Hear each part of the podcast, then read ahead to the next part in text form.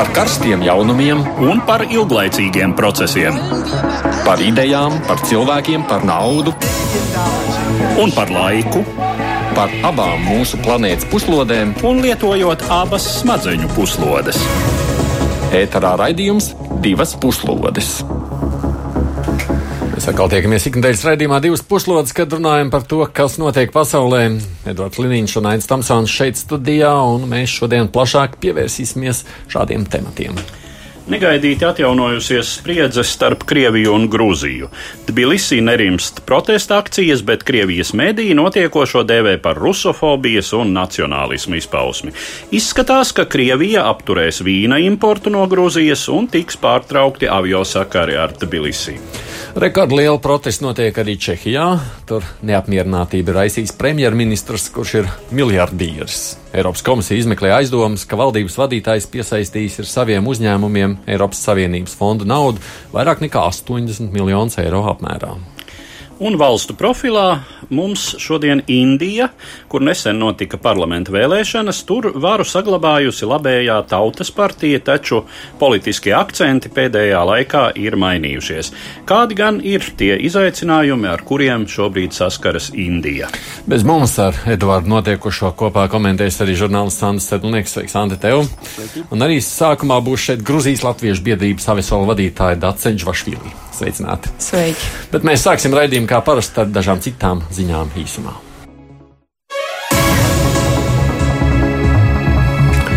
Ukrainai nāksies samierināties ar to, ka Eiropas padomē ir atjaunots Krievijas delegācijas balstiesības. Krievija piedara Eiropas padomē ar visām tiesībām un pienākumiem, kas tam nāk līdzi. Tā ir norādījis Vācijas ārlietu ministrs Heiko Māss, apsveicot parlamentārās asamblejas lēmumu. Tikmēr savu dar dalību parlamentārajā asamblējā ir apturējusi Ukraina, protestējot pret to. Atgādinām, tātad Krievijā balstiesības tika atņemtas pirms pieciem gadiem pēc Krimas aneksijas. Pat Krievija bija apturējusi dalību maksu, kas padomē ir ļoti būtiska un arī piedraudēja izstāties vispār. Bet nu, tas nozīmē, ka Krievijas pilsoņi nevar atsūdzēties Eiropas cilvēktiesību tiesā. Tomēr šis lēmums ir satricinājis padomi.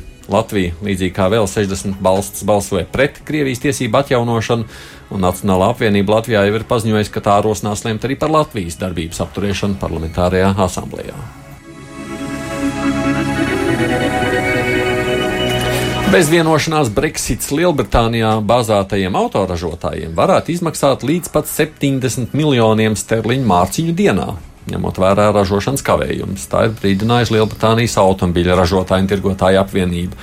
Viņa lēš, ka autorūpniecības nozarei, kurā darbojas arī tādi ārvalstu ražotāji kā Ford, Honda un Nissan, sliktākais scenārijs izmaksātu 50 tūkstošu mārciņu minūtē. Tas ir krietni vairāk nekā ieguvumi no izstāšanās. Autorūpniecība ir svarīga Lielbritānijas tirdzniecībai un ekonomikai, tā ir norādījis apvienības vadītājs Maiks Heivs.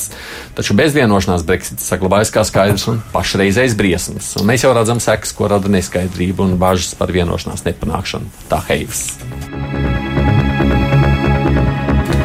Turpinās vārdu un arī sankciju karš starp ASV un Irānu. Pēc tam, kad ASV prezidents Donalds Trumps nedēļas nogalē parakstīja lēmumu par jaunu sankciju ieviešanu, Irānas līderis izteicās, ka Baltais nams cieš no garīgas atpalicības un nezina, ko darīt. Savukārt Trumps šo reakciju nodēvējis kā ļoti rupju un aizvainojošu. Kā norādījis Trumps, tas liecina, ka Irānas līderi nesaprotot realitāti, kā arī nesaprot vārdus jauks un līdzjūtība, bet saprot viņi, kas ir spēks un vara. Tā Trumps skaidrojas Twitterī. ASV prezidents arī solījis, ka katrs Irānas uzbrukums pret jebko, kas ir amerikāņu, sastaps lielu nepārvaramu spēku, un dažās jomās nepārvarams nozīmēs iznīcināšanu. Tikmēr Irāna paziņoja, ka jebkādas diplomātiskās attiecības ar ASV vairs nav iespējamas. Neraugoties uz iepriekšējo neveiksmi, ASV un Ziemeļkoreja risina aizkulisku sarunas par iespējamu trešo samitu. Tā žurnālistiem ir paziņojis Dienvidkorejas prezidents Mūns Džeins. ASV prezidents Donalds Trumps un Ziemeļkorejas līderis Kims Čenuns pērn jūnijā tikās samitā Singapūrā un tad februārī Vietnamas galvaspilsētā Hanojā. Viņiem neizdevās panākt vienošanos par Ziemeļkorejas kodola atbruņošanos un sankciju samazināšanu. Un sacīja, ka dialogs tomēr turpinās, un tas notiek arī pa dažādiem kanāliem Ziemeļkorejas un Dienvidkorejas starpā. Es ticu priekšsādātāja Kima apņēmībai denuklearizācijas labā, tā sacīja Mūns. Trumps plāno svētdien Dienvidkorejā tikties ar Mūnu, lai spriestu par turpmākajiem soļiem kodolstrīdā ar Ziemeļkoreju.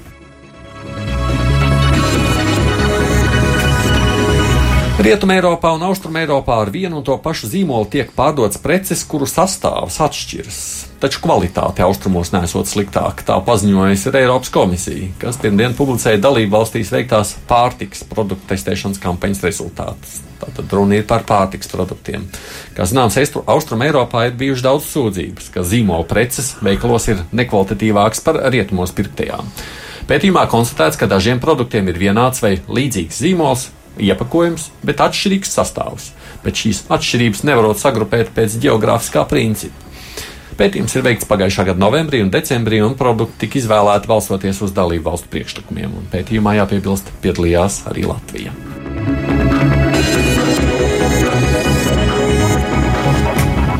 Bet nu, tagad pievēršamies sākumā minētajiem tematiem un vispirms par notiekošo Grūzijā.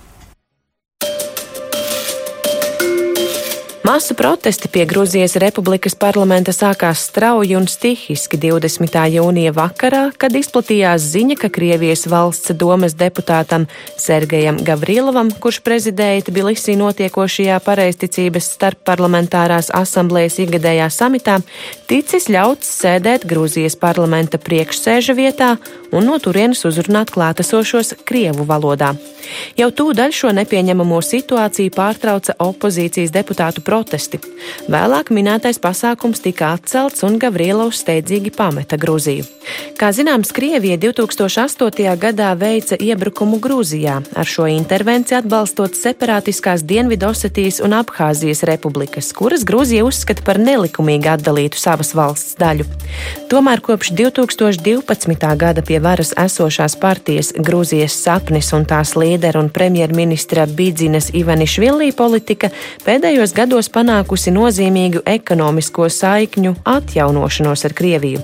Krievija atcēlusi Grūzijas vīnu importa aizliegumu, atjaunojusies tradicionāli masveidīgā Krievu turistu plūsmu uz Grūziju. Tomēr daudziem Grūzijā šis attiecību atcilums ar agresoru valsti nav pieņemams, un Krievijas parlamentārieša Benefice kļuva par to dzirksteli, kas lika izlausties nepatikai pret Ivanišvilī politiku kopumā. Pirmajā vakarā notika sadursmes starp protestētājiem un policiju, kura pielietoja asaru gāzi un gumijas lodis. Tiek ziņots par vairākiem simtiem cietušo, tā skaitā par diviem protestētājiem, kuriem ar gumijas lodi izšaut acis, un vairāk nekā 300 arestēto. Pēc tam protesti turpinājušies katru vakaru, gan izpaliekot vardarbīgām sadursmēm ar policiju. Pirmā varas piekāpšanās notika jau 22. jūnijā, kad no amata atkāpās parlamenta priekšsēdis Iraklīs Kobahidze. Vēl divas dienas vēlāk premjerministrs Ivanišvilī paziņoja, ka līdz 2020. gadā paredzētajām vēlēšanām tiks īstenota protestētāju prasītā vēlēšanu sistēmas reforma. No otras puses, ģenerāla prokuratūra izvirzījusi apsūdzības nekārtību izraisīšanā un dalībā tajās opozīcijas deputātam Nikam Melijam, un parlaments nobalsojis par viņa izdošanu kriminālu vajāšanai. Tikām Krievijas varas pārstāvju un režīma kontrolētie mēdīji jau nodēvējuši Gruzijas Krievijas notikumus par radikālu nacionālismu un rusofobijas izpausmi. Prezidents Putins jau 21. jūnijā paziņoja, ka, ja situācija Grūzijā nestabilizēšoties, no 8. jūlija tiks pārtraukta aviācijas satiksme ar kaimiņu valsti. Krievijas pārtikas kvalitātes kontrolas dienesti sākuši izrādīt pastiprinātu interesi par Grūzijas vīnu kvalitāti. Atgādini, kopā ar mums ir arī Anna Sedlnieks un Džvašvili. Tāds droši vien jūs taču labi jūtat to noskaņojumu, kas tur tagad notiek Gruzijā. Cik tas negaidīti viss bija, vai tas tomēr tur ir krājis un gruzdējis? Um, nu, diezgan negaidīti. Priekš manis bija diezgan negaidīti. Tāpēc, ka varbūt uh, krājās un gruzdējās nepatika pret uh, Gruzijas sapni un uh, Bidzini Ivanišvili, bet uh, tieši tie antikrieviskie sentimenti nebija tik ļoti izteikti, un pēdējā laikā tieši ļoti daudz brauca Krievu turistu un uh, viesmīlīgi tika uzņemti, un uh, nu, nebija tādu ļoti antikrievisku, tiešām bija tāda tuvināšanās, bet ar, ar šo te. Uh, asambleju, ko es ar sākumā nesapratu, kas tā pa asambleju, kāda pareizticība, kāda starpparlamentārā sesija, jo vispār nebija nekādas informācijas pirms tam, ka būs tāds pasākums. Mm. Un kā šie krievi gadījās, un kā viņi gadījās parlamentā, un kā viņas uzrunāja plenārsēžu no plenārsēžu um, spīkera vietas. tas, nu, tas tiešām tika pārkāpta tāda nopietna sarkanā līnija, un arī ne tikai tas, ka viņš apsēdās tajā vietā, bet arī citi izteicās, citi tie delegāti, ka Tas ir tikai laika jautājums, ka Gruzija atkal būs apvienotās, atjaunotās padomju savienības sastāvā un nekāda, okupa, nekāda okupācija nav. Un tas viss ļoti saniknoja Gruzīnus. Tad, tad, kad... Aizskāra viņa lepnumu. Te ir bijušas tādas versijas, vai tā ir bijusi kāda provokācija, vai tā ir bijusi muļķība, kas tas bija jūsuprāt? Uh, nu, uh, Nu, es esmu ļoti grūti teikt, tiešām eh, muļķības, un beigās eh, tika nosaukt tā par, par protokola kļūdu. Un uh, tika vainots delegācijas vadītājs, kas to tika organizējis. Un, uh, Mm. Bet šāda te, nu, ir kā muļķīga kļūda un kādas ārkārtīgi interesantas sakas. Ja jūs par to interesējaties, nu, ja jūs vispār sekojat no. un pazīnāt līdz, tā ir diezgan nopietna organizācija, un tad jūs piecām dalību valstīm. Viņi regulāri rīko tā pareizticīgo tā jā, sadaļa. Viņi regulāri rīko savus pasākumus pa visām pareizticīgajām valstīm. Viņi viņus tradicionāli rīko šo valstu parlamentos, un šo pasākumu vada asociācijas prezidents, kurš pat labam ir Krievijas pārstāvs pārstāvis.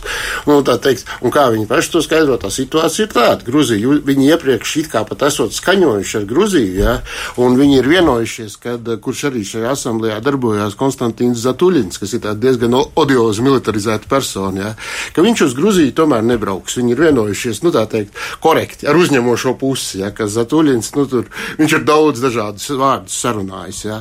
Šis te konkrētais asociācijas priekšsēdētājs, jā, viņš aizbrauc, kur viņš, kur viņu apsēdināt tur viņš sēž un viņš runā. Ja? Viņš tā teikt, viņš arī neko sliktu, es sapratu, tur ieraksts bija kaut kāda internetā, viņš arī neko sliktu, viņš pateicās, un ka viņš ir laipns un priecīgs, un ka mēs tur tā un šitā, ja? un to visu ņemot vērā, man tomēr ir aizdomas, ja? ka tam, ņemot vērā, ka pasākums plašākai publikai ir maz zināms, ja? kad tā teikt, ka šie ļaudis, tā teikt, nu nevar būt tā, ka spontāni dažu stundu laikā parādās cilvēki ar sagatavotiem plakātiem, krekliņiem, ja? Sacās, nu, vispār. Plakāts nu, no iepriekšējās reizes. Var sagatavot. Nu, nu, var, jā. Tas, nu. ka, tas, ka uh, opozīcija, protams, uh, ir šo motīvu ļoti ātri uh, pedalizējusi, uh, tas, ka, protams, ir uh, izplatītas ziņas no parlamenta nu, diezgan prasmīgi. Uh, un, um, tas, tas ir nepārprotami. Es tomēr domāju, ka runa ir par uh, smagu protokola kļūdu. Nu, man ir uh, grūti iedomāties, Latvija arī, starp citu, ir šīs asociācijas dalība valsts. Uh, un man ir grūti iedomāties, ja gadītos kaut kas tāds, ka Latvija būtu uzņemošā puse, kā šīm asociācijas, ka vispār tas notiktu mūsu saimas sēžu zālē, un ka šīs organizācijas vadītājiem, lai kurš viņš arī nebūtu tajā brīdī, vienalga. Nu, tas var būt Krievijas, tas var būt uh, Grieķijas pārstāvis. Grieķija ir šīs organizācijas dibināšanas iniciators savulaik, uh, vai Gruzijas pārstāvis, ja vienalga, bet nu, ka viņam tiktu ierādīta vieta mūsu parlamenta priekšsēdētāja krēslā. Un viņš no turienes runātu. Bet um, Grūzijas gadījumā nu, tas ir vēl krietni izkāpinātāk, jo nu, ir bijusi šī, šī agresija. Eh, ir joprojām Krievijas karaspēks teritorijās, kuras Grūzija uzskata par savējām. Nu, mēs zinām, jā, ir šīs minoritātes, ir šīs mm, gadu simtiem sarežģītās attiecības starp uh, Gruzīniem un uh, attiecīgi Abhāziem un, uh, un Osetīniem Dienvidosetijā, un tur ir vēl vairākas citas minoritātes Grūzijā, bet nu, tas. Uh, Tas ir tā, ka ja, šie, ja, šie, ja šī vēsture ir tāda, nu, tad ar tām lietām nejoko. Bet tas, ko tu sacīji, Andu, vai domā, es domu, ka domāju, būt... kad, teiksim tā, jāsaucās, nu, teiksim, tas, ko viņi tur pieļāva, nu, no protokola viedokļa, viņi taču, ja viņi varēja sarunāt, ka tur nebrauc Zatuļins, viņi mierīgi varēja sarunāt to pasākumu, noturēt arī kādā viesnīcā vai konferenču zālē. Nu, no tā jau sliktāk nevienam nekļūt. Ja? Jā. Un, tur, kad, un, un šajā gadījumā es domāju, tas nevienu nesatraukt, bet es domāju, ka tas jautājums ir par, teiksim, ir tāds biedrs Mišiko, kurš kaut kad tagad jau ir Ukrainā, ja? un viņa atbalstītāji, un ir tā neapmierinātība vispār, nu, teiksim, minētais Gruzijas sapnis, ja? Viņš tā nevisai piepilda tās cerības, kas ar viņu ir saistītas. Jā.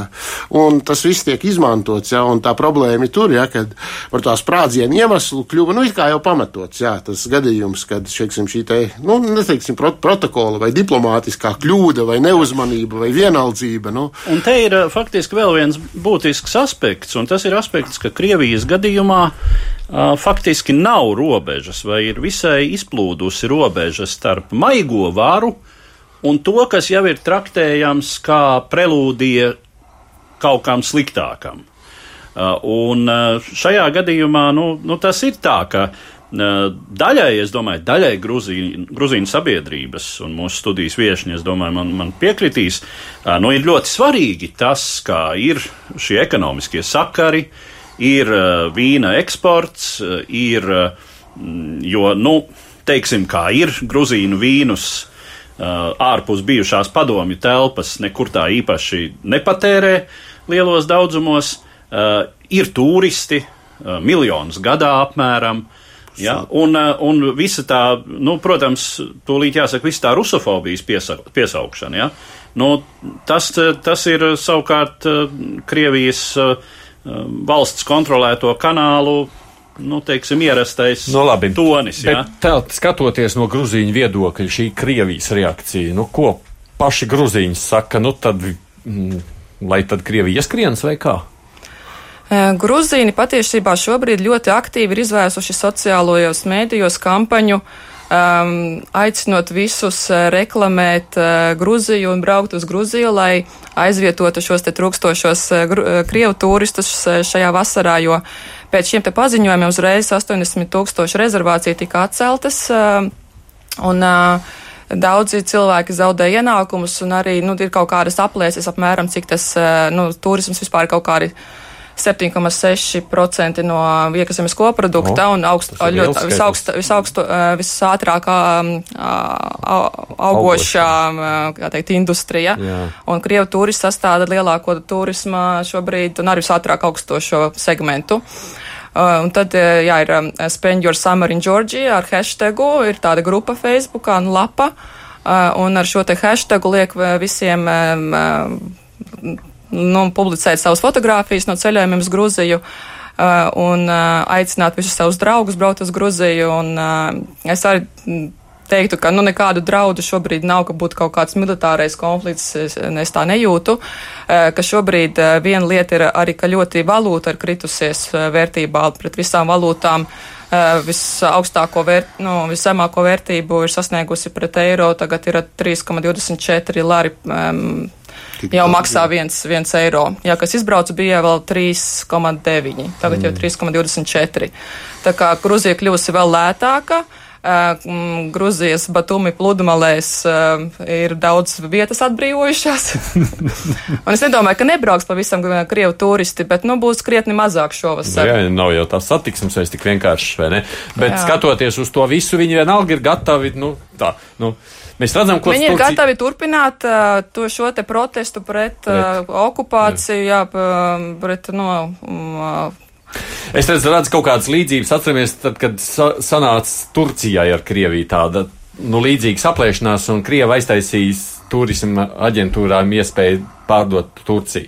Nu, tad Turki vilka kaut kādus pāris gadus, un pēc tam. Mm pēc tam notika tas, kas notika. Pēc nē, nē, nu tur, tur bija drusku citi. Tur bija jā, vēl daudzi jā. citi iemesli, jā, jā, protams, bet viss jā. kopā, tā teikt, Erdogans kļuva par Krievijas gan draugu. labāko draugu. Jā, jā. Jā. Nē, nu, Krievija un Turcija tās ir salīdzinoši apmēram vienas svara kategorijas valstis, ja neskaita Krievijas kodolieroču arsenālu. Uh, savukārt Krievija un Grūzija tās ir pavisam citas attiecības. Uh, un mūžam pastāvošais jautājums, vai Krievija vispār respektē būtiski Gruzijas valstiskumu, uh, vai tomēr joprojām uzskata to par nu, tuvajām ārzemēm, kas ir būtībā uh, satelīta valsts, un attiecīgi jebkurš solis no tā projām ir nodēvēts par rusofobiju. Un tas ir ļoti zīmīgi, ko arī atzīmē analītiķi. Krievijā tie, kas nav Putina režīma uh, kaismīgi piekritēji, ka šī reakcija nu, ir slimīga no Krievijas puses un acīm redzami kārtējo reizi tāpēc, ka jebkuras eh, mm, masu kustības, pret varu vērstas masu kustības šais tuvajās ārzemēs, Krievijas varas elite uzlūko kā personisku draudu. No, bet tā Krievijas reakcija tiešām bija asa. Tad... Saprotu, viņi ir, viņi ir mainījuši stratēģiju, to viņi paši atzīst. Vairāk viņa stratēģija ir tāda, jūs varat nemīlēt Krieviju, bet kategoriski ne par Krievijas naudu. Un tikko viņiem liekas, ka Krievija, ne, viņi ir principā likuši saprast, ka tikko viņiem liekas, ka jūs nemīlat Krieviju, viņi klapē ciet visu, nerēķinoties ne ar ko. Principā jūs varat, kā viņi saka, būt rusofobs, ja, bet ne kapeikas mūsu naudas. Īsi un vienkārši. Nu, labi, kas nozīmē, ka uh, tā, tā reakcija ir. No Viņa būs arī turpmāk tāda. Tā vismaz, var, tā vismaz izriet no daudzu amatpersonu teicieniem, ka viņa arī turpmāk būs uz praktiski visos gadījumos tieši tāda. Nu, tā ir, tā, tā ir viņu izvēle.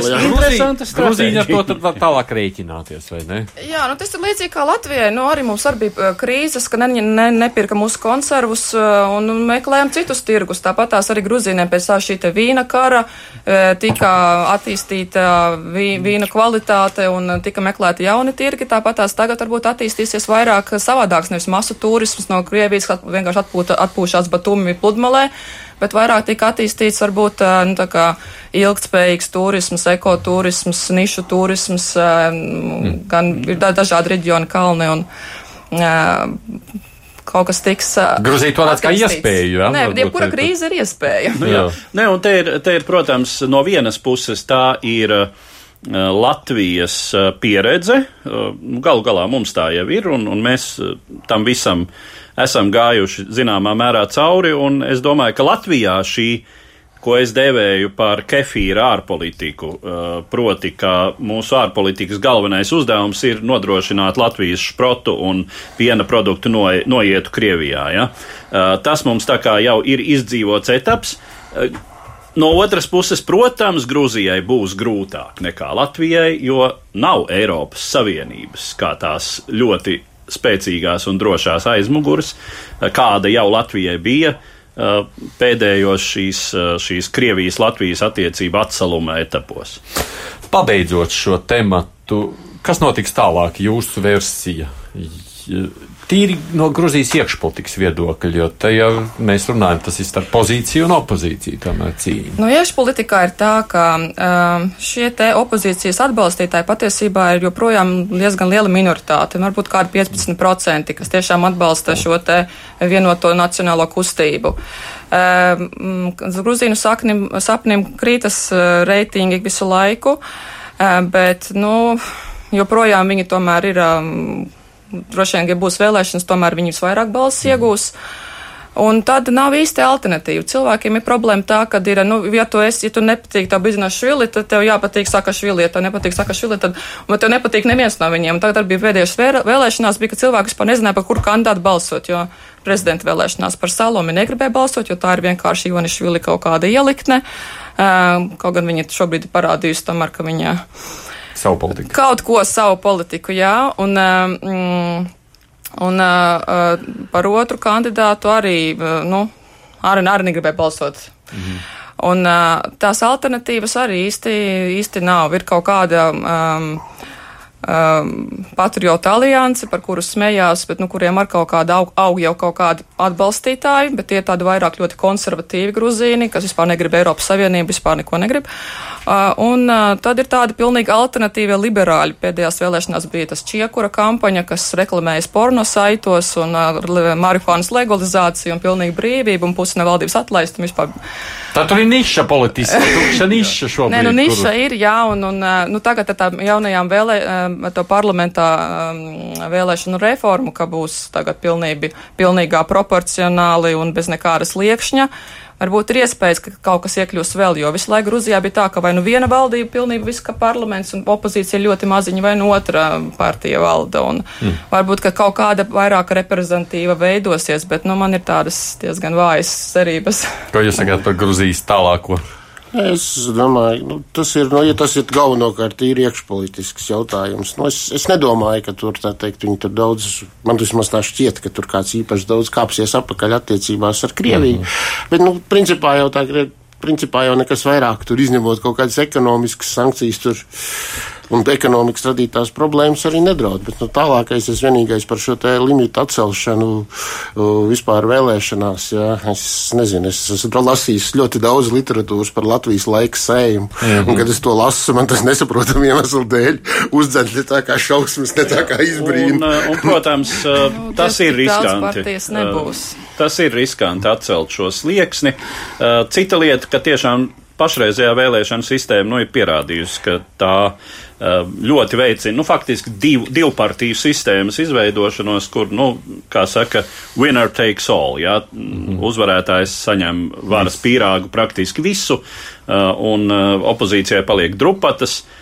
Un, proporci, pārēj uz proporcionālo sistēmu, acīm redzot, ir loģiska, bet nu, sliekšņa atcelšana tur ir diezgan daudz risku. Tā skaitā nu, ir Gruzijā gana uh, Mm, arī reģionālu spēku, kas līdz ar to var gūt salīdzinoši lielāku ietekmi, jo projām ir eh, diezgan ievērojama iedzīvotāja daļa, kas ir bijusi spiesta tā konflikta, etniskā konflikta dēļ eh, migrēt no Abhāzijas uz Gruziju. Eh, nu, viņiem, protams, ir noteikts lobbyis par nu, radikālākajā gadījumā par zaudēto teritoriju atgūšanu, tas, tas ir riska faktors nenoliedzami. Labi, par Gruziju mēs vairs nevaram atļauties turpināt. Es saku paldies Gruzijas Latviešu biedrības savisalu vadītājai Daceiģu Vašvili, kas atnāca šeit pie mums redzījuma laikā šeit pat.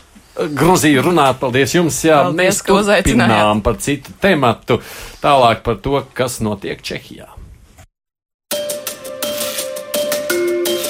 Protesti Čehijas galvaspilsētā Prāgā, kas aizsākās 4. jūnijā, piesaukti kā plašākie kopš totalitārā režīma sabrukuma toreizējā Čehoslovākijas Socialistiskajā republikā 1989. gadā. Pagājušajās nedēļās tie tikai vērsušies plašumā, svētdien sasniedzot jaunu rekordu 250 tūkstoši dalībnieku. Viņu prasības ir Čehijas premjerministra Andreja Babiša un tieslietu ministres Marijas Benešovas atkāpšanās.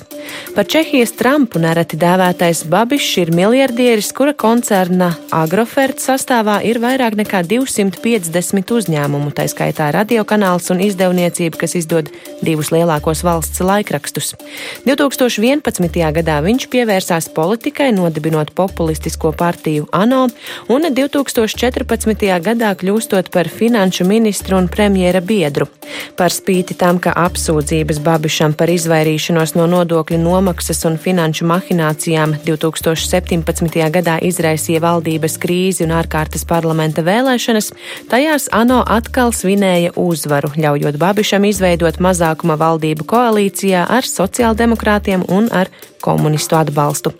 Pagājušajā gadā prokuratūra uzrādīja premjeram apsūdzību par nelikumīgu Eiropas Savienības lauksaimniecības subsīdiju iegūšanu vairāk nekā 2 miljonu eiro apmērā, un pastāv aizdomas, ka Babišs mēģinājis ietekmēt lietas izmeklēšanu. Savulaik no koncerna Agrofert tikusi atdalīta viena lauku saimniecība, kas pārgājusi kāda Babišu ģimenes locekļa īpašumā un tādējādi varējusi saņemt maziem un vidējiem uzņēmumiem paredzēto Eiropas finansējumu finansējumu. Šī brīža protestu detonators bija Čehijas preses iegūtā informācija, ka Eiropas komisija izmeklē iespējamo Babiša interešu konfliktu, atrodoties premjeramatā un vienlaicīgi piesaistot Eiropas finansējumu sev piedarošiem uzņēmumiem apmēram 82 miljonu eiro apmērā, un ka šīs izmeklēšanas rezultātā valstī var nākties atmaksāt daļu saņemto Eiropas Savienības fondu līdzekļu. Babišs pats šīs apsūdzības nodēvējis par uzbrukumu Čehijas valstī. Uz plašo publisko protestu fona opozīcijas partijas Čehijas parlamentā rosināja neusticības balsojumu Babiša kabinetam, taču Babišs joprojām bauda deputātu vairākuma uzticību un trešdienas vakarā šo balsojumu izturēja.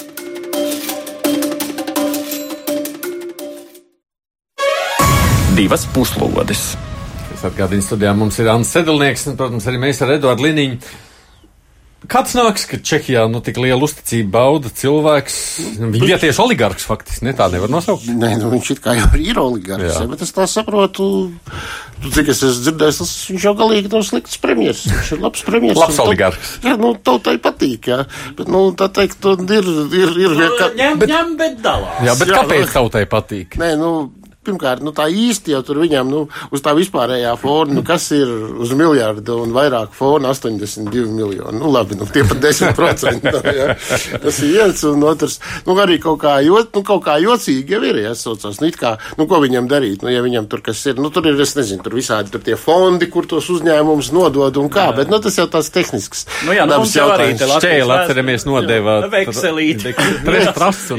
Veksels, nu, jā. tādas lietas, nu, nu, tas arī kaut kā tā jocīgi. Nu, nu, viņš jau joprojām tur paliek. Nu, tas, ir, nu, tas, nu, tas jau ir tās, tas jau ir tādas tehniskas un ētiskas lietas tik daudz. Bet tā, jā, tautai viņš patīk un premjeras viņš nav slikts. Un, Nu jā, viņa popularitāte un viņa partijas popularitāte lielā mērā balstās arī dzan, uh, bē, pret bēgļu, pret migrācijas retorikā un noskaņojumā.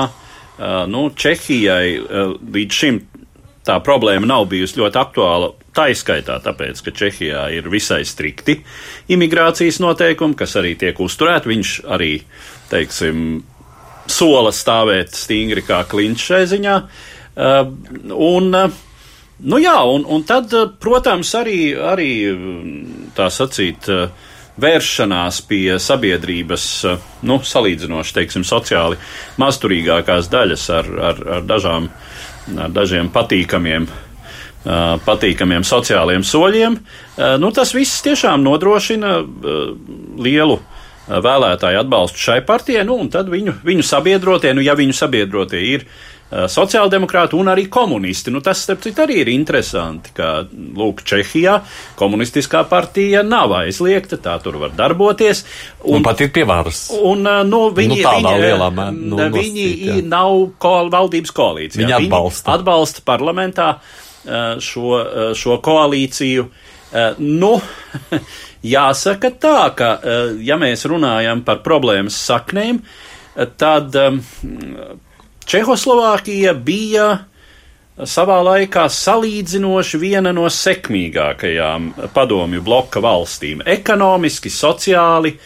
Uh, un, uh, nu, ir, ir, ir tāds viedoklis, ka um, sevišķi Čehijā uh, daudziem tā padomju pagātne, sociālistiskā pagātne šķiet, ja ne gluži. Uh, Teiksim, uh, kaut kas labs un, un atgriežams, tad tas, tā izjūta ir, ka nemaz tik slikti toreiz nebija.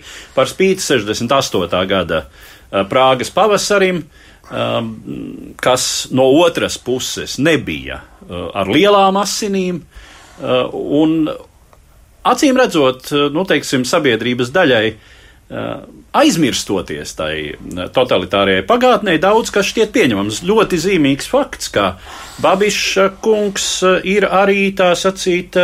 Čehoslovākijas čekas maisu iemītnieks.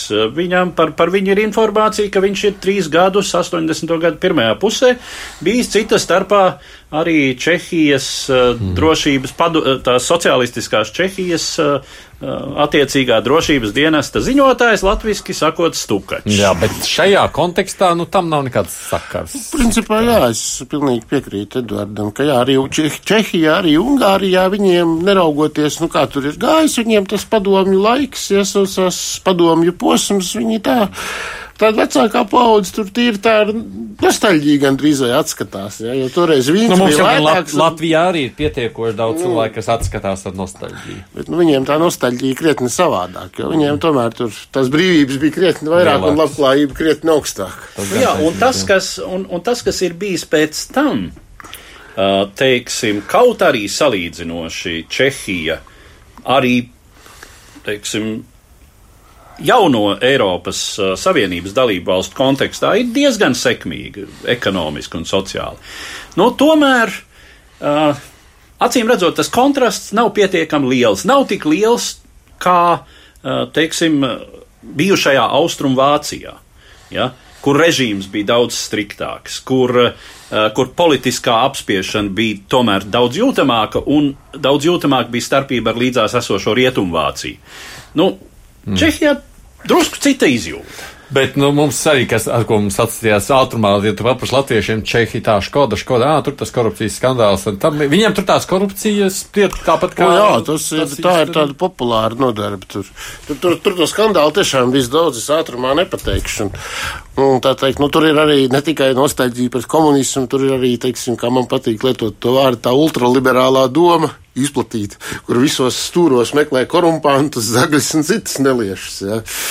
Tad no vienas puses no pastāv, no otras puses tur baigi. Nu, ne jau tā, ka nu, es neapgalvošu, ka viņi tur ir milzīgi. Jā. Starp Bet citu, no otras... kad Babišs uznāca politiskajā skatuvē, antikorupcija bija viens no viņa motīviem. nu, nu, parādiet man kādu, kurš savu runu nav sācis ar to, ka es cīnīšos ar korupciju. bet, bet, nu, es pieļauju, ka uz šī fona pašreizējās norises ir jo sevišķi kaitinošas lielai eh, Čehijas sabiedrības no, daļai. Nu, 250 tūkstoši saka, tā tomēr šo nu, priekš Čehijas rekorda augsts. Nu, tā varētu būt. Jā. Kas nozīmē, ka tā, tā neapmierinātība briest. Vai nu briest neapmierinātība sabiedrība polarizējās, tā būtu drīzāk Nu, tur ir jāskatās aptauju rezultāti. Nu, tur domāju, ka tur vēlēšanas var parādīt. Kaut gan es domāju, ka viņš ir. Nu, tas, eh, es tā īpaši padziļināti neesmu tieši tur sekojis līdzi, bet tā ar pirmo no pirmā acu uzmetiena liekas, ka viņš turpat vien būs apmēram plus mīnus. Nu, tie ir tie cilvēki, kuriem tas nav svarīgi, ja, ka viņš tur īpaši šmugulējas ar naudu. Ja? Jā, ir pietiekami liela sabiedrības daļa, tas var šķist paradoxāli, bet tā tas ir pietiekami liela sabiedrības daļa, kuru neuztrauc ne šī um, bijuša padomu drošības dienestu ziņotāja vēsture, ne tas, kas ir bijis pēc tam, uh, kuriem patīk tas, ka viņš ir efektīvs menedžeris.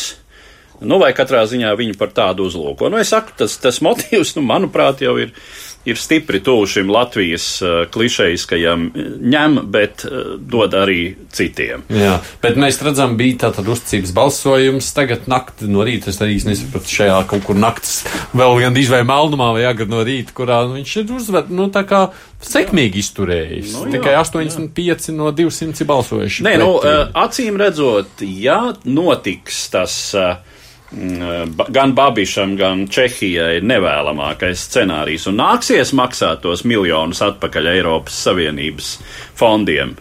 Nu, tad gan es domāju, varētu būt ārkārtas parlamentu vēlēšanas, nu, un tad nu, skatītos, kā, kā šai, kā šai ANO, kas, ja, ja atmiņa mani nebija atšifrējama, kā neapmierināto pilsoņu apvienību, kā tai veiksies, cik apmierināta tā būs pēc šīm vēlēšanām. Tad viss atkarīgs no Eiropas tagad. Nu, viņš jau arī pats var atmaksāt, viņam jau neviens neliedz. Jā, viņam miljārdu viņš.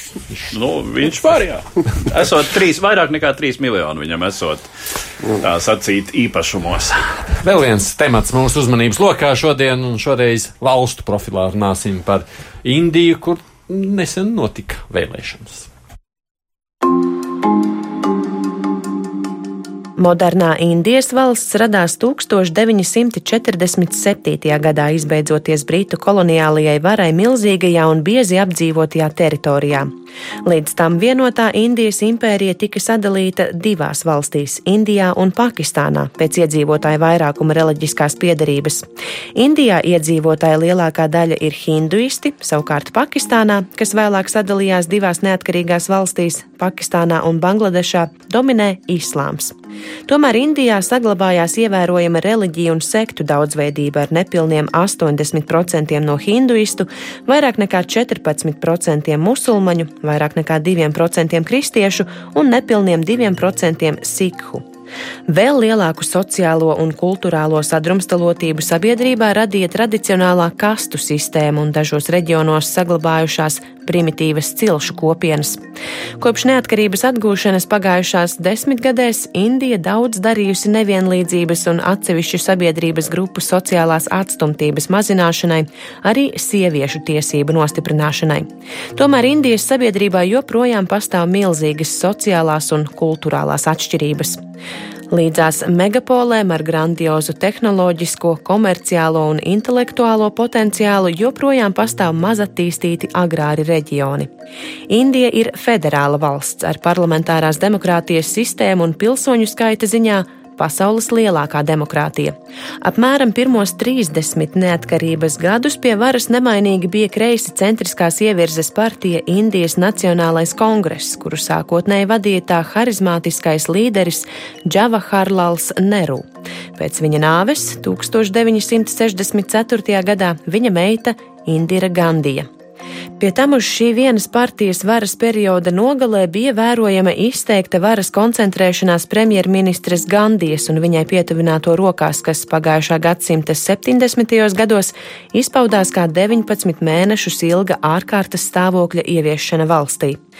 Pēc tā beigām Nacionālo kongresu no varas pirmo reizi atstūma opozīcijas spēks partija Džanata, jeb Tautas partija. Nākamajās pāris desmitgadēs Indija daudz biežāk piedzīvoja nestabilas koalīcijas valdības, līdz pagājušā gadsimta nogalē tās politiskajā ainā sāka dominēt divi galvenie spēki - kreisās ievirzes partiju apvienība Nacionālā demokrātiskā alianse, kas veidojās ap partiju Bharatija Džanata, jeb Indijas tautas Tautas partija un apvienotā progresīvā alianse ar Indijas Nacionālo kongresu kā centru. 2014. gada vēlēšanās pirmo reizi kopš 1984. gada viena partija, labējā Bharatija Džanata, ieguva vienpartijas valdības veidošanai nepieciešamo vairākumu. Par tās premjerministru kļuva pieredzējušais politiķis Narendra Modi. Šī gada vēlēšanās partija atkārtoja šo panākumu, ļaujot Modī turpināt savu varas ciklu. Tiesa, šī uzvara gūta ar zināmu akcentu pārskatīšanu partijas programmā un vēstījumā. Ja 2014. gadā tā bija izteikti labēji liberāla, uz izaugsmi vērsta ekonomiskā programma, tad šobrīd partijas retorikā parādījies daudz vairāk hindu nacionālisma, nācijas patriotiskās un reliģiskās konsolidācijas, antisekulārisma nošu. Tā tad politiski Indijā nekas nemainīsies, bet realitātē kaut kādas izmaiņas ir. Es pareizi saprotu, Edvards. Nē, no politikā notiek procesi, uh, kurus daudzi vēro ar bažām. Cik var lasīt mm, analīzes pasaules presē, uh, tā tad uh, premjerministrs Modi, um, kurš kā jau komentārā tika minēts, eh, uznāca politikas skatuvē ar, mm, nu, teiksim tā, uz progresu, uz, uz attīstību vērstu ekonomisko programmu, kas solīja eh, izmantot Indijas nu, patiešām milzīgo potenciālu. Teiksim, Indija ir, ir otra pēc iedzīvotāju skaita lielākā valsts pasaulē. Tās potenciāls nav daudz mazāks kā tai pašai Ķīnai, bet ja mēs redzam, eh, kāda ir Ķīnas eh, ekonomikas šobrīd jau ieteikumi pasaulē, tad nu, Indija stipri atpaliek. Eh, bet Indijai arī būtu iespēja, un, un, un tā, tā bija programma, ar kuru, ar kuru Modi uh, sāka teiksim, savu un savas partijas politisko startu. Ne viss ir izdevies. Teiksim, Tur, tas nav tik vienkārši, protams, šo milzīgo sabiedrību uh, padarīt vēl straujāk, augošu, dinamiskāku. Un tā kā ne viss ir izdevies, tad nu, tiek meklēti jauni risinājumi, kā konsolidēt elektorātu. Nu, un te ir atrasts tas, um, kas tādā valstī kā Indija ļoti bīstami potenciāli. Jo nu, tā ir tomēr ļoti raiba sabiedrība. Un ja tai, tajā iziet ar vēstījumu, ka mums būs uh, viena ticība, nu, ka, teiksim, īsts indietis tas ir hinduists, uh, kā uh, īsts indietis uh, ir arī, nu, teiksim, hindu nacionālists. Ja? Uh, tā ir zināmā mērā musulmaņu kopienas, ļoti lielās musulmaņu kopienas marginalizācija uh, un uh, šo attiecību sāsināšana. Nu, tur ir eh, ievērojams konflikta potenciāls. Kā tu raksturo šo situāciju Nu, politiski? Nu, es pirms teiktu tā, ja saucās, nu, mēs parasti sakām, ka Indija ir pasaulē lielākā demokrātija, bet tur, nu, teiksim, lielākā daļa šīs demokrātijas patiesībā tā demokrātija ir ļoti nosacīta. Es paskaidrošu, varbūt, teiksim, ja tajās lielajās pilsētās, jā, nu, tur tas tiešām izskatās apmēram tā, kā mums ir pieņemts, tad tur ir pa džungļiem joprojām skraida maoistu partizāni, ja saucās, ir štati, kur pie varas ir komunisti un tā tālāk, un tā visa tirzniecība notiekās apmēram, nu, tas notiekās apmēram tā, jā, kad tiek slēgts vienošanās, kura partija vairāk sola, kura štata vadībai, tad štats saka, būs, teiksim, jā, nu, apmēram tāda tā demokrātija izpaužās. Un tad viss ir vietas. Jā, un, uh, un uh, protams, nav līdz galam jau vēl uh, dekonstruēta šī kastu sistēma. Tās uh, paliekas tur ir, ir visai jūtams. Tradicionālās elites. Uh, nu, teiksim, uh, es atceros uh, kādu, šķiet, ka tas bija National Geographic sižets, kur žurnālists, ceļotājs un, un, un tā sacīt, sižeta autors viesojās pie kāda bijušā rāģas, nu, tā tad kura ģimene kādreiz ir valdījusi savos īpašumos, vēl Britu, Britu šīs koloniālās impērijas laikā.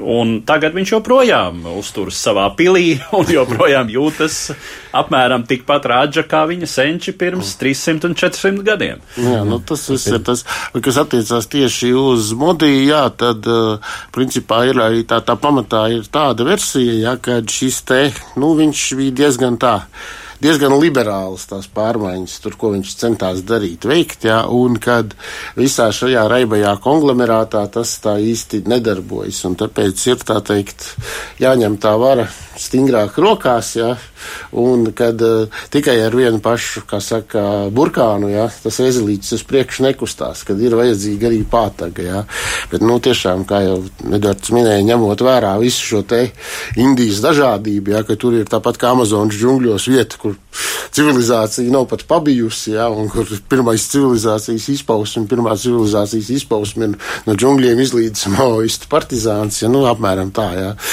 Nu jā, un tad, un tad uh, šajā vietā parādās uh, mobilais telefons ar satelīta pieslēgumu, uh, kurā šis, nu, nenogluži, teiksim, nu pat akmens, no akmens laikmeta iznākušais, bet, nu, tiešām savas ļoti joprojām savas lokālās kopienas uh, domāšanā iesakņotais cilvēks sāk lasīt, ja viņš to prot, uh, sāk, uh, sāk iegūt informāciju. Uh, Tā arī tiek atzīmēta kā ļoti nozīmīga šobrīd problēma Indijā, ka nu, sociālo tīklu ietekme uz politiku un uz cilvēku noskaņojumiem, uh, kas ir izrādījusies šai milzīgajā valstī, um, nu, arī diezgan neprognozēta, uh, kas uh, šobrīd ļoti nozīmīgi grauj tradicionālās preses, drukātās preses autoritāti. Un uh, kāpēc? Nu, tāpēc, ka, uh, ja mēs iedomājamies uh, simtu miljonu lielu sabiedrību, kurā daudzi dzīvo samērā trūcīgos apstākļos, tad uh, sociālo tīklu, tīri ekonomiski sociālo tīklu potenciāls ir uh, daudz lielāks kā drukātajai presei. Ja? Jo avīze ir jānodrukā, tā ir jānogādā. Savukārt tur, uh, ja tev ir vienreiz nopirkts lēts mobilais telefons, tad tu vari to informāciju iegūt. Un, diemžēl nu, šī uh, Narendras Modi un, un viņa partijas politika lielā mērā balstās uh, arī tādā, uh, arī šajā sociālo tīklu komunikācijā, um, nu, teiksim tā, nekritiski izmantojot uh, šo mm, izteiksmes potenciālu. Bet, nu, runājot par kaut ko, ir kaut kas, kas viņus tā kā kopā var vienot. Nu, pirmkārt, viņi ir indieši. Jā. Tā ir būtībā tas ir atsevišķs kontinents, atsevišķa civilizācija pa lielam. Nu, tāpat tās kā Ķīna un Krievija. Tā ir atsevišķa civilizācija. Un es pieļauju domu, ka. Vai tas labākais ir šis hinduistu nacionālisms, es nezinu, jā, bet uh, principā es domāju, ka jā, ka viņi mobilizēsies un pēc gadiem 20, 30, varbūt, varbūt par modi runās tāpatās kā par uh, lielo barotāju Mo. Jā, saucās, ka teiks, ka 70% bija taisnība un 30% kļūdas. Nu, tik tālu es ceru nenonāks, jā. Bet, uh, principā, nu, es uzskatu, ka raugoties, teiksim, no šīs te partijas, no šī te Indija, no viņa kā no Indijas līdera pozīcijām, viņš varbūt dara to, ko viņš var izdarīt, lai to valsti celtu caulītē. Tur valsts vidējais ienākums uz cilvēku gadā ir mazāks par 5000 dolāriem. Ja? Ķīnā tie ir kaut kādi 11,000, Krievijā kaut kur pie 20. Ja? Saucās, nu, tad jūs varat iedomāties, kādas ir tās starpības. Ja? Un, un kaut vai tā teikt, nu, uz pusi pacelt, un tās metodas jau šajā gadījumā, nu, es saprotu, ka daudziem tas nepatiks, ja? bet būs arī ļoti daudz, kas to atbalstīs. Ja? Jo arī, Jā, nu, ja mēs atceramies Indira Gandhi, jau arī savā laikā, ja, kad viņi taisīja visas tās reformas un ko, ja, viņi jau tur viso, visā šajā milzīgajā valstī tur bija ar cirvi un pārtagu, ja tur ar pierunāšanu jau nevienu nevarēja pārliecināt. Jā, un, un bija, bija tiešām šis. Uh, šis brīdis, kad, kad pat tika ieviests ārkārtas stāvoklis, un var jau teikt, jā, no vienas puses, lai saglabātu pie varas savu partiju, No otras puses, nu, tas ir jautājums par to, kādiem līdzekļiem panākt šo modernizāciju. Bet pats par sevi jau interesanti, kā ar visu to viņi tomēr nu, nu, mazāk vai vairāk formāli, bet ir demokrātiski. Nu, principā, nu, skaitās, ka, nu, jā, nē, nē, nu, es vēlreiz saku, tur ir daudz vietu, kur demokrātija ir tikai nosaukums, bet ir arī daudz vietu, kur viņi tiešām reāli ir, nu, lielajās pilsētās. Jā, kur... Teiksim, šī, šis respekts pret, piemēram, pret parlamentārismu tradīciju, kas ir mantots, starp citu, tas ir Britu koloniālais jā. mantojums. Un, nu, pagaidām, teiksim, šķiet, ka neviens īsti uh, um, Indijā nedomā par kaut ko līdzīgu Ķīnas modelim, jā, tad, tad kaut kādu totalitāru sistēmu, ka tomēr, teiksim, parlamentārā demokrātija, jā, procesu ietekmēšana, kas Eiropas stilā, nu, nekādi nebūtu pieņemama, lai gan, nu, arī ir labs jautājums. Piedod, jā. vai tad, ja mēs, par, par vai tad, ja mēs babišu pareizinātu jā, jā, ar jā, Indijas jā. mērogiem, jā. vai tik tāds pats modī vien neiznāk? Uh, bet tu esi pēc tā kā optimistiski sakot, ka tā iespēja viņiem ir. Nē, nu, principā viņš jau uz to iet, un viņš arī daudz izdarīs. Un Indija šobrīd straujo aug, augošā lielā ekonomikā pasaulē, jā, un uh, es nedomāju, ka tie cilvēki nesaprot, ko viņi dara, jā, saucās. Viņi jau tur, nu, tik milzīgas valsts, nu, taču nevar būt tā, ka tu atradīsi pašu lielāko muļķi un lielāko nelieti, jā. jā nu, un, un tiešām tas, ka Indija ir milzīgs potenciāls, nu, to apliecina kaut vai tas smadzeņu eksports, kas no Indijas notiek. Mm ja mēs pavērojam, cik daudz kaut vai Ziemeļamerikas, Savienoto Valstu un Kanādas medicīnā, pētniecībā, eksaktajās eh, un tehniskajās sfērās ir ļaužu ar indiešu uzvārdiem un, un arī. Tas ir lielā mērā arī saistīts ar tieši ar to koloniālo pagātni, ja, un faktu, ka viņi var kā bijušās kolonijas pilsoņi, viņiem tās durvis uz Lielbritāniju ir vaļā. Angļu valoda ar... viņiem ir, kas joprojām Indijā ir. Eh, Vienīgā atšķirība no, mums, ja jābaidās, ka mēs paliekam tukši no tā, ka mums aizbrauc, tad viņiem nepatīk pavisam, vai ne? Nu, no tā, tā, nu tas ir jā. Savulaik laikam viens no, kurš aizmirst, kurš no Gandijas dēliem mēģināja turpat īstenot tur dzimstības ierobežošanas programmu, bet tur bija izcēlās šausmīgs skandāls, jā, jo tur bija gandrīz piespiedu kārtā, tur sterilizēti ļaudis vai kas, un tad bija tracis un skandāls, un tas tā arī beidzās. Un atšķirībā no Ķīnas, tur viss tur cenējās. Cik, cik tu jaudā, tik nu ir. Žurnālists Ants Sedlnieks, Nedvalds Liniņš, paldies, ka atnācāt šeit uz studiju. Producēju šoreiz Loreta Bērziņa, studijā bija es Raidis Tomsons. Nu, sadzirdēšanos atkal nākamā ceturtdiena lūkosim, kas jauns noticis divas puslodes.